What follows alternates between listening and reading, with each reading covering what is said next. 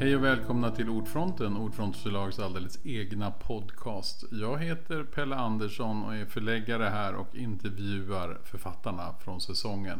Och idag ska vi träffa Annelén Meijer von Bremen och Gunnar Rundgren. Välkomna! Tack! Ni har precis kommit ut med Det levande om den gränslösa relationen mellan naturen och människan. Eh, den där gränslösa relationen, är det så att det kanske inte ens finns någon gräns mellan natur och människa? Eller hur, hur betraktar ni den här skillnaden mellan oss och naturen? Nej, men det är väl precis så mm. därför den heter Den gränslösa. Det var faktiskt inte vi som hittade på just den här efterryckaren då utan Nej. det var ju faktiskt ni här mm. på förlaget och vi tyckte ju först att det var lite väl pompöst mm. så att säga. Den gränslösa relationen mellan mm. naturen och människan. Väldigt så. Men sen när vi funderade på det så, så var det ju faktiskt ganska fiffigt för, för det är ju faktiskt ett av temana i våran bok just att, att eh, det finns inte riktigt så många gränser som vi sätter upp. Liksom mellan det vilda och det tama, mellan natur och kultur och mellan människa och natur. Mm. Så det var fiffigt. Mm.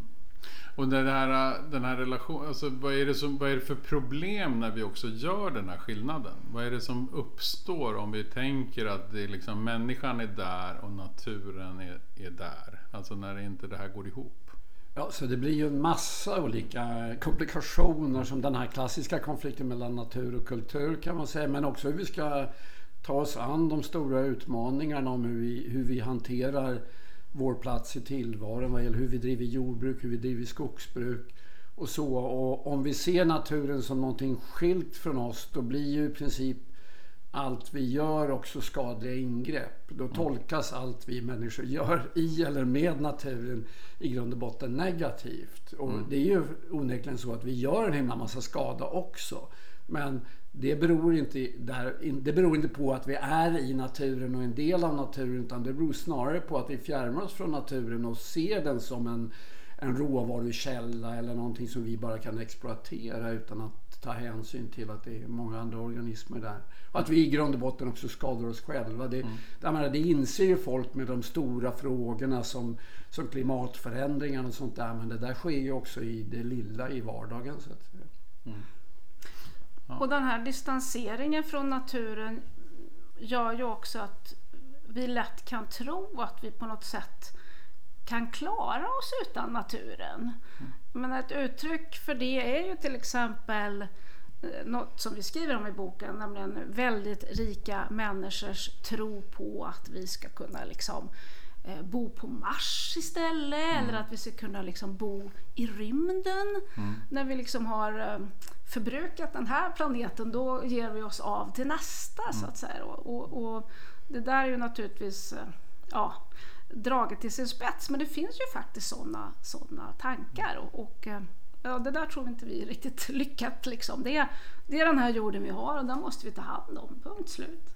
Precis. Och när börjar den här klyvnaden? Har det varit så här hela tiden eller har vi någon gång varit närmre naturen? Eller har vi alltid betraktat det här som en, en resurs som vi kan hämta saker ur? Eller har det blivit värre och värre? Så det har ju pågått länge. Mm. Sen kan man ju också säga att det är ju liksom skillnad på hur vad ska man säga, de breda folklagren har sett på det här och, och någon slags eh, intellektuell elit. Men man har ju faktiskt under mycket lång tid brottats med det här. Vad är naturen?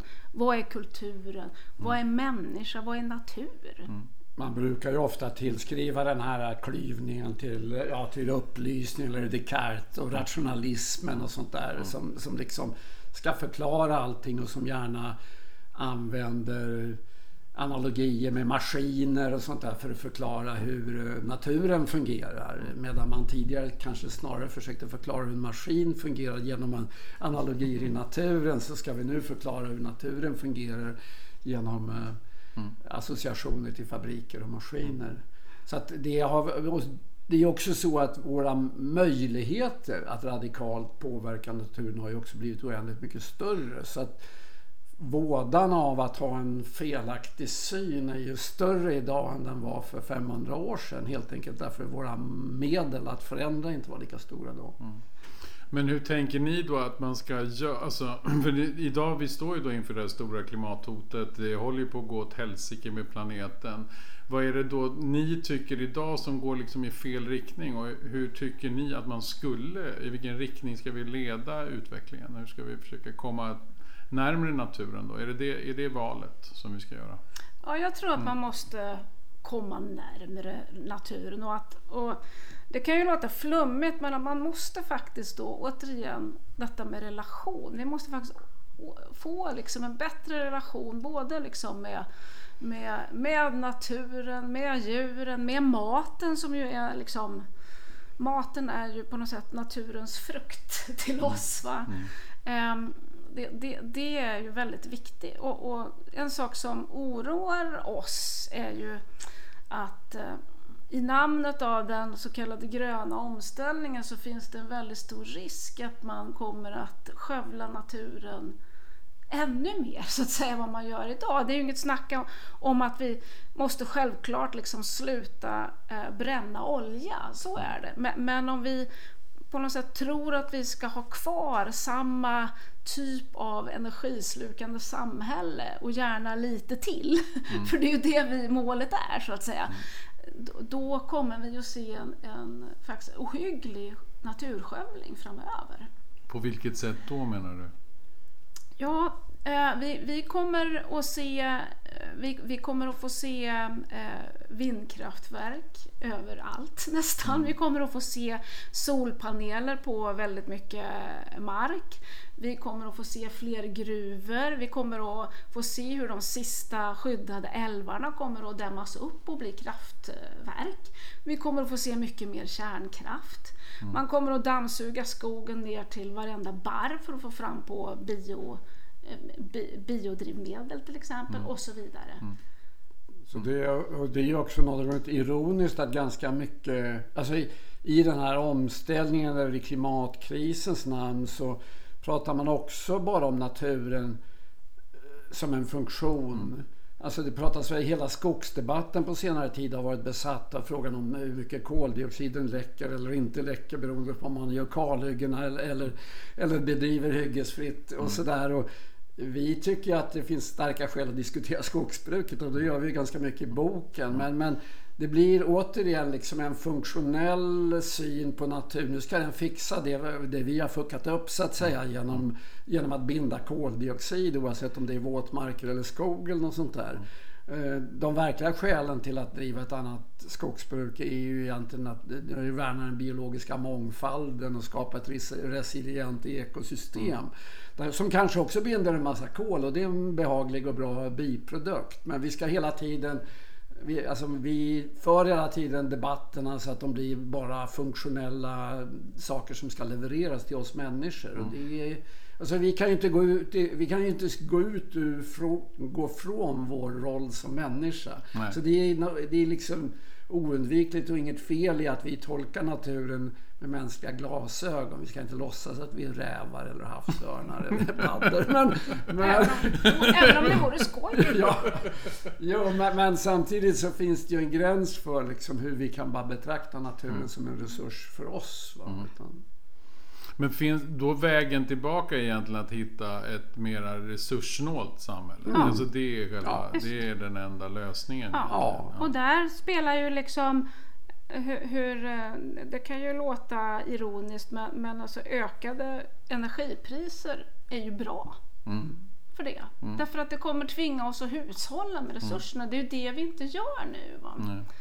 Uh, och, och alltid när man pratar om det här så blir ju alltid folk väldigt rädda och mm. tror att nu är det liksom Vilhelm Moberg och svält och gå med en pinne och hacka i mm, jorden. Precis, vadmalskläder. Ja, allting blir hemskt liksom. Men, men saken är det att, att man behöver liksom inte... Nu tror inte jag att man, kan all, att man kan gå precis tillbaka. Det är inte det vi kommer att göra.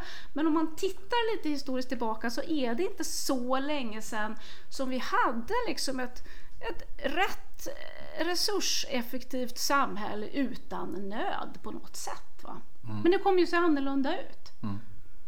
Och vad, vad, vad, tänker man sig då? Hur skulle ett sånt, alltså skulle det också bli ett bättre, alltså ett härligare samhälle tror ni? Eller vad, vad är, är, det också så att man, för idag är det ofta så att man ser klimathotet och så målar man upp massa framtidsvisioner och ibland ser ju de också ganska obehagliga ut eller läskiga ut. Eller men finns det också kanske någonting i det här som skulle kunna ge oss en dröm om en, om en framtid? Eller vad tänker ni om det? Det tror vi. Fast jag, men jag vill gärna poängtera att vår bok inte går in nej, särskilt mycket nej, på de nej, jag tankarna. Vet, men jag, vi hamnar där ja, nu bara. Ja, just det. Ja. det blir nästa bok. Ja.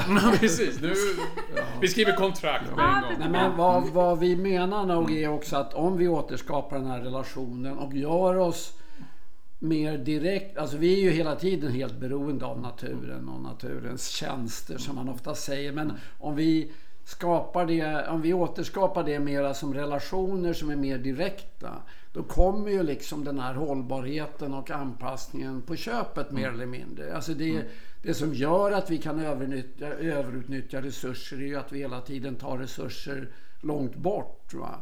Och när vi liksom har byggt färdigt inne på land, ja då bygger vi ut i havet och så ska vi kolonisera rymden och ska vi gå ner längre i mm. havsdjupen. Alltså vi sträcker oss hela tiden längre och längre bort för att få resurser. Ibland många resurser av andra människor. Jag menar mycket av det konsumtionssamhälle vi lever idag, eller har idag, beror ju faktiskt på att andra människor kan producera en himla massa saker åt oss för mm. en fortfarande ganska låg peng om man mm. säger så. Alltså det blir billigt att köpa nya prylar hela tiden.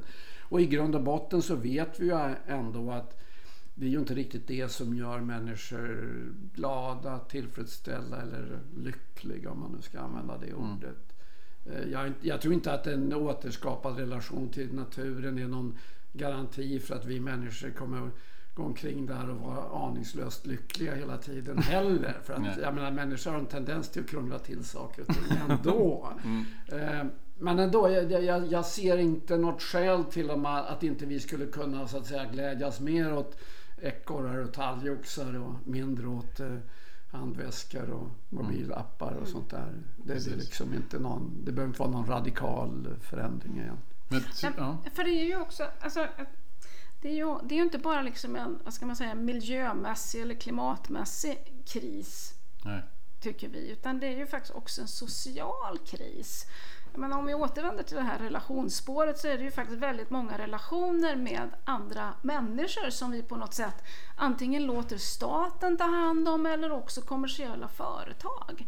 Vi blir liksom allt mer ensamma. Vi har, vi har en växande grupp människor som som mår dåligt helt enkelt. Som känner meningslöshet, som tycker deras jobb är meningslösa. Som, och, och vi är övertygade om att de här sakerna hänger ihop faktiskt. Mm. Och då, då får man söka väldigt många spår, eller hur? Och det är väl det som också har hänt när ni har gjort boken, eller hur? Att det blir väldigt många olika områden. Vad är det som har förvånat er mest när ni har liksom sökt i det här, liksom i den här relationen? Är, har ni hittat något som ni tycker är det där var extra intressant eller roligt eller det där tror vi skulle kunna vara ett bra exempel eller det här är ett varningens exempel. Vad har varit liksom mest överraskande när ni har jobbat med boken? Ni alltså, personligen så mm, kan jag mm. tycka att det som har varit mest överraskande är därför att jag är troende men Gunnar är ateist. Mm. Och ändå så har vi, vi har ju skrivit den här boken tillsammans och ändå så har vi på något sätt lyckats eh, hamna i båda två att eh, jag menar i en tid när religionen eller Gud är död så är det ändå så att vi behöver det här med att se att saker och ting är tabu eller att det finns saker i naturen som är heligt. Mm. Det kan låta väldigt pompöst men att det faktiskt finns något viktigt i det här. Mm. Alltså många, många kulturer har satt upp den här typen av tabun just för att man ska inte, man ska inte döda krokodiler eller man ska inte hugga ner det där trädet för det är heligt, det bor mm. gudar i det. Mm. Och det har inte bara varit liksom för hokus pokus och en bra story mm. utan det har, det har varit liksom ett miljötänk Tänk, i det. Va? Och att vi det tyckte jag var lite roligt mm, när vi liksom skrev. återuppre, åter, liksom upprätta mm. naturen mm. på det sättet. Mm. Som en plats för vördnad nästan. Ja men precis. Mm. Och även liksom våran gamla folktro här med, med troll och älvar, älvor och mm. skogsrån i naturen. Va? Alltså jag kommer ju från Värmland då där jag, menar, jag hade ju liksom, min mormors generation trodde ju på sånt här. Mm. Jag är ju extremt skeptisk till allt sånt liksom. Men nu på något sätt... Nu så, börjar du ändå tro. Nej, men jag kan, jag kan, nej, det gör jag inte. Men jag kan, jag kan se att det finns en mening där. Va? Mm. Därför att om man tror att det bor varelser i skogen mm. mm. och i bäcken och så mm. vidare. Då kan man ju inte bete sig hur som helst. Va? Mm. Alltså, vi skriver till exempel ett avsnitt om fäboden. Det är fort, fortfarande de som har fäbod som har liksom sin ritual att man, man liksom ber om ursäkt till småfolket när man kommer dit och, och mm. öppnar upp fäboden. Va? Mm. Det låter ju väldigt konstigt så att säga. Va? Lite men, kanske. Men om, man tänk, men om man tänker att det är naturen man mm. ber om ursäkt. Mm. Hej nu kommer vi och stökar till och vi ska försöka att mm. sköta oss lite här. Mm. Då blir det liksom en annan sak. Mm.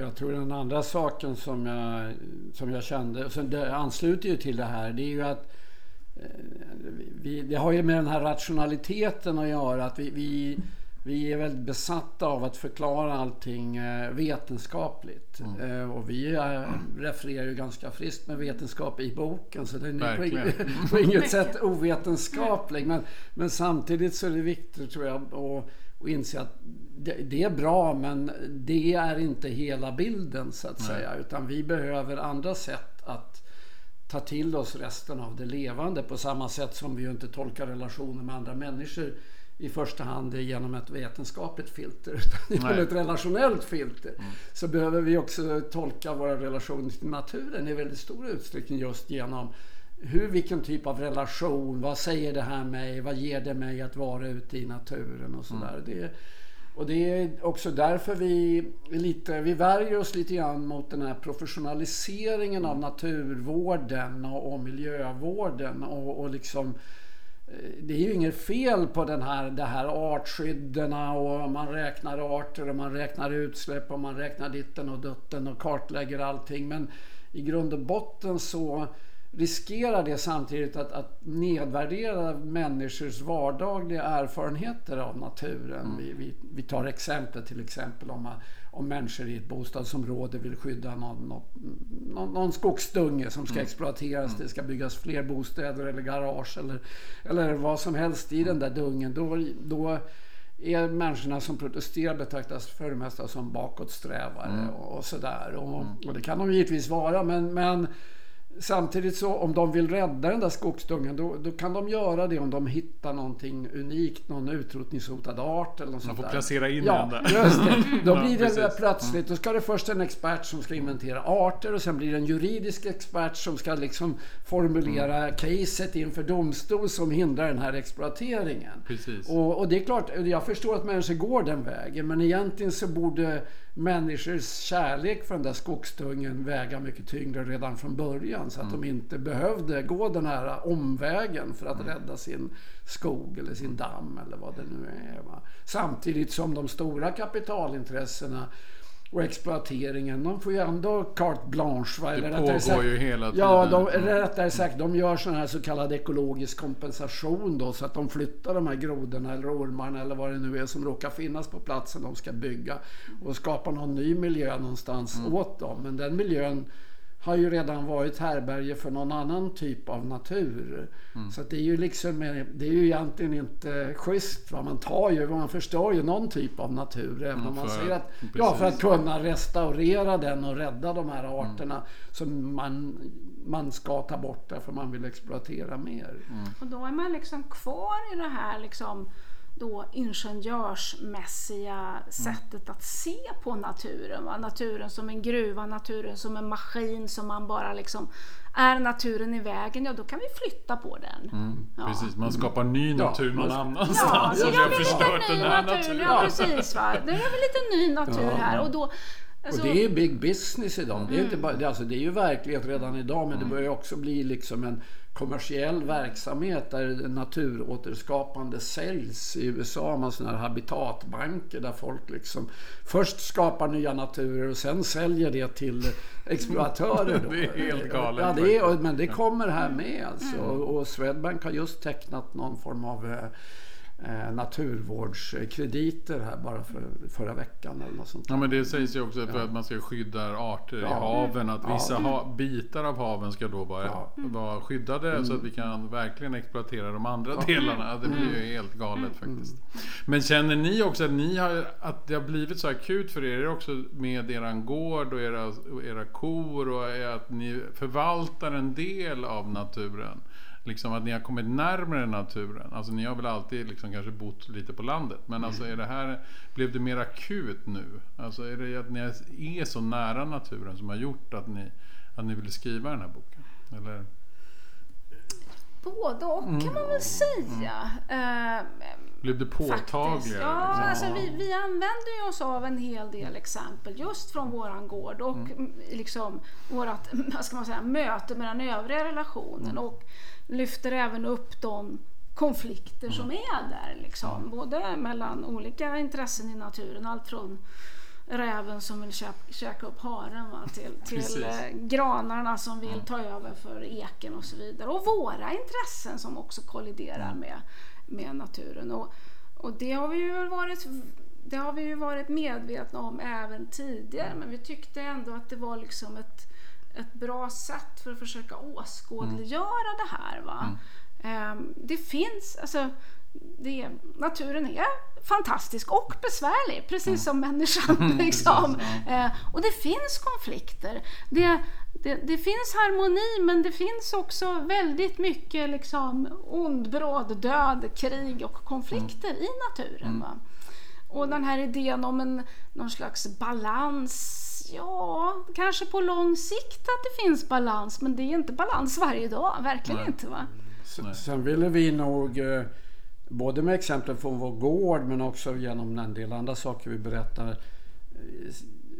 liksom placera den här relationen med naturen och de konflikter som finns runt skogsbruk, jordbruk, fisk och så vidare i någon form av sammanhang som gör det begripligt. Vi tycker kanske att det är Skogsdebatten är ett bra exempel. Det, det har ju skrivits spaltmeter hela tiden men man får för det mesta intrycket att det liksom är Det står mellan eh, profithungriga bolag eh, och eh, andra men, men alltså de där profithungriga bolagen de finns givetvis och de vill göra vinst men de gör ju precis det som vi har byggt upp vårt samhälle runt om. Att utnyttja naturen på det här sättet. Va? Det, är inte, det är inga onda människor som driver de här bolagen utan de det är ju maskinens logik som styr skogsbruket. Alltså det är det billigaste sättet att få ut virke från skogen är att göra som skogsbolagen gör. Det krävs inga konspirationer eller,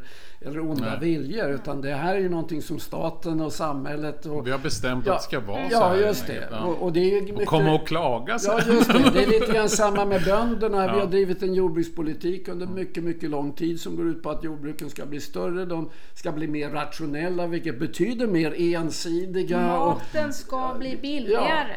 Det har ju och, varit och då det får, viktigaste. ja, då fick vi det vi bad om, men sen är folk inte nöjda.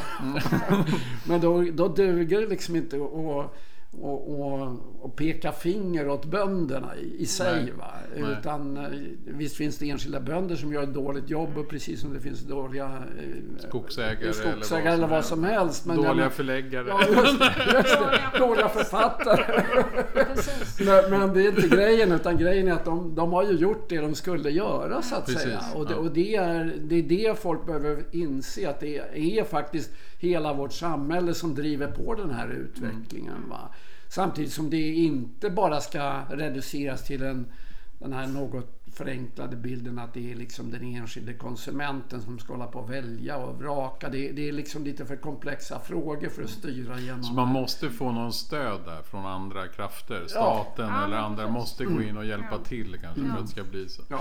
För det är ju också, där blir det ju också uppdelat, eller hur? De som äter liksom ekolo- Ja, visst. Jag åker ut till den lilla gården och köper den lilla osten och så vidare. Alltså, och sen så den vanliga industrin. Så det blir som hela tiden de här klyvnaderna i oss. Ja, men precis. Mm. Så vi försöker på något sätt både liksom förklara varför ser det ut som det gör så att säga. Vad, vad, vad, har vi byggt vårt välstånd på liksom? Eh, Sen vill vi ju som sagt var inte att det ska fortsätta se ut så här. Vi vill ju ha en förändring så att säga. Men det är samtidigt viktigt att förstå varför.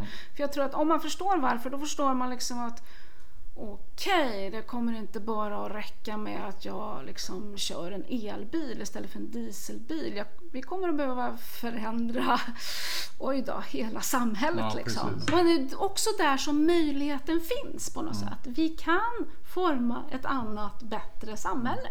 Så att säga. Och det är väl det som också blir lite svårt ibland med, med att förstå den här stora förändringen. Eller hur? Alltså man vill gärna att det ska finnas en quick fix. Om vi bara börjar köra elbil Ja, precis. så kommer Ja. vi att fixa Ja. el. Och det säger ju också politikerna till oss på något Ja, sätt. det Ja, ja, visst. Ja. Det är ju ingen som säger liksom att den här ekvationen kommer inte gå ihop. Det är ju ingen som vågar ställa sig upp Nej. och säga det. Och det är väl också därför som vi då försöker vara lite handfasta i att på något sätt återvända då. Vad, vad gör vi liksom? Vad gör vi i vår relation? Inte för att vi är några liksom rättesnören eller så, men bara för att försöka ta ner det lite mer Ja, och konkret. just att ni pratar om relationer, för det blir ju också viktigt att man känner att det finns någonting positivt här. Alltså, Mm. alltså det är inte bara vadmalskläder och, eh, och eh, utvandrarna som ska ut och hugga röja ny mark och så och alla ska ut i jordbruket. Men är det liksom den här relationerna då, det ni har gjort, är det så att det hur, hur stor, alltså jag förstår att det är en stor omställning, vi måste leva ett annat sätt. Men skulle det gå att få jordbruket idag att göra det på ett annat sätt? Finns det en möjlighet ens? Tror ni det? Alltså att Ja, göra ja, visst. Ja, jag, Absolut. För vi skulle kunna få ut mat så att Ja, vi klarar oss. Oh, ja. Mm, det är jag ganska övertygad om. Mm. Så att de är, det är liksom, man kan vara snällare mot naturen. Man kan Ja. vara snäll. Ja. För det är hela det där kretsloppet Ja, hela tiden. Men för det också, känns också som att om vi skulle få fri tillgång till energi, vad skulle vi då göra med planeten? Ja, Liksom. jo, nej, Jag skulle säga pang tror jag. det är nog snabbt. ingen bra lösning. Men är det med oljan det här förändrades väldigt mycket? Eller vad ser Ja. ni skulden liksom? stor Ja. Det har ju spelat enormt stor roll för det har ju inte bara liksom gjort att du kunnat haft mycket mera maskiner men det har ju genom konstgödseln som ju framställs av fossila bränslen så har ju liksom kapat kretslopp och sånt där. Och även skapat alltså städer med 30-40 miljoner invånare eh, som befinner sig väldigt långt ifrån någon livsmedelsproduktion. Det kanske inte är, alltså jag ser inte att sådana stadsbildningar faktiskt är hållbara i längden. Det, det tvivlar jag på. Så att säga. De behöver nog omkonfigureras. De är helt beroende av att du skeppar in hela tiden enorma resurser. Och sen får du överskott av avfall som du inte kan tillgodogöra sig. Alltså vi pratar ju vitt och brett idag om cirkulär ekonomi. Men faktum är att för hundra år sedan var hela ekonomin nästan cirkulär i Sverige. Det är liksom ingen innovation att ha cirkulär ekonomi. Va? Folk hatar när man säger att man ska gå tillbaks till någonting. Men man kommer ju aldrig gå tillbaks till någonting som var likadant. Men, men det finns ändå, fanns ändå väldigt många positiva saker. Och det var just det här med att man återanvände resurser och man slösade inte på resurser som vi gör idag. Och det, Men det kommer ju att krävas kunskap. Va? För det är ju en sån där sak som vi trycker på boken också. Liksom, den här praktiska kunskapen som vi, vi, vi eh, är lite smått allergiska för i vår tid. Vi, vill, vi, vi är så väldigt mycket uppe i huvudet bara. Va? Eh, och, och just om man pratar skogsbruk eller lantbruk eller matproduktion. Va? Då, då finns det ett ganska stort inslag, det gäller överhuvudtaget kultur överhuvudtaget, Ja. av praktisk kunskap. Va? Ehm, och nu så ska det då lösas med hjälp av AI då istället för att liksom ta vara på den praktiska kunskapen som trots allt finns kvar hos väldigt många, både bönder, skogsbrukare och så vidare. Va? Ehm, och det tror vi är Det måste traderas vidare. Det måste Ja, läras det måste ju det. vidare. Va? För, för en del har vi tappat bort och, och ju längre tiden går desto mer av den kunskapen tappar vi bort på något sätt. Va? Att faktiskt kunna gå ut på våren, känna på jorden, veta nu är det dags att börja så. Va? Känner ni att ni har den där kontakten? Har ni återupprättat kontakten själva med, med naturen Ja, på det du, sättet? just när det gäller Ja. det där med, med marken så är ju kanske, du bättre. Ja, en del Ja. saker. Men jag menar, det är ju samtidigt en del av glädjen i det konstanta lärandet Mm. man får i, eh, i liksom umgänget med naturen och andra varelser och arter. Det är ju det är ett konstant lärande också och det är spännande. Det är väldigt roligt. Och sen, givande. man tror ju att de här praktiska yrkena, att de är liksom... Jag kommer ihåg när Stefan Löfven pratade om enkla jobb och syftet Mm. på jordbruket. Jag undrar just vad de där enkla jobben är. För det är ju precis som du säger Gunnar, Mm. det är ett ständigt lärande. Va? Till och med bara ha några kor. Det är ett ständigt lärande att begripa sig på dem. Mm. Särskilt som vi inte kan prata med varandra med, med ord. Liksom. Nej, så får vi på något sätt lära oss att förstå varandra. Liksom. Och det är väl det som är så härligt tycker jag med boken. Att det är det här äh, att det är en relation med alla, inte bara med det levande. Alltså, jo, allt i naturen är ju levande, men inte bara det som är varelser, utan även växterna finns också någon slags relation till. Och det är den ni vill försöka återupprätta. Precis. Ja, vi måste tyvärr avrunda vårt lilla samtal. Det här gick ju fort. Men tack så hemskt mycket Annelien och Gunnar för att ni kom hit till våran lilla podcast Ordfronten. Tack! Tack. Tack så jättemycket. Och framförallt tack för att ni har skrivit den här äh, myllrande härliga boken Det levande. Tack! Tack. Det var allt för Ordfronten för den här gången och vi återkommer så småningom med fler avsnitt. Ha det så bra, hej då!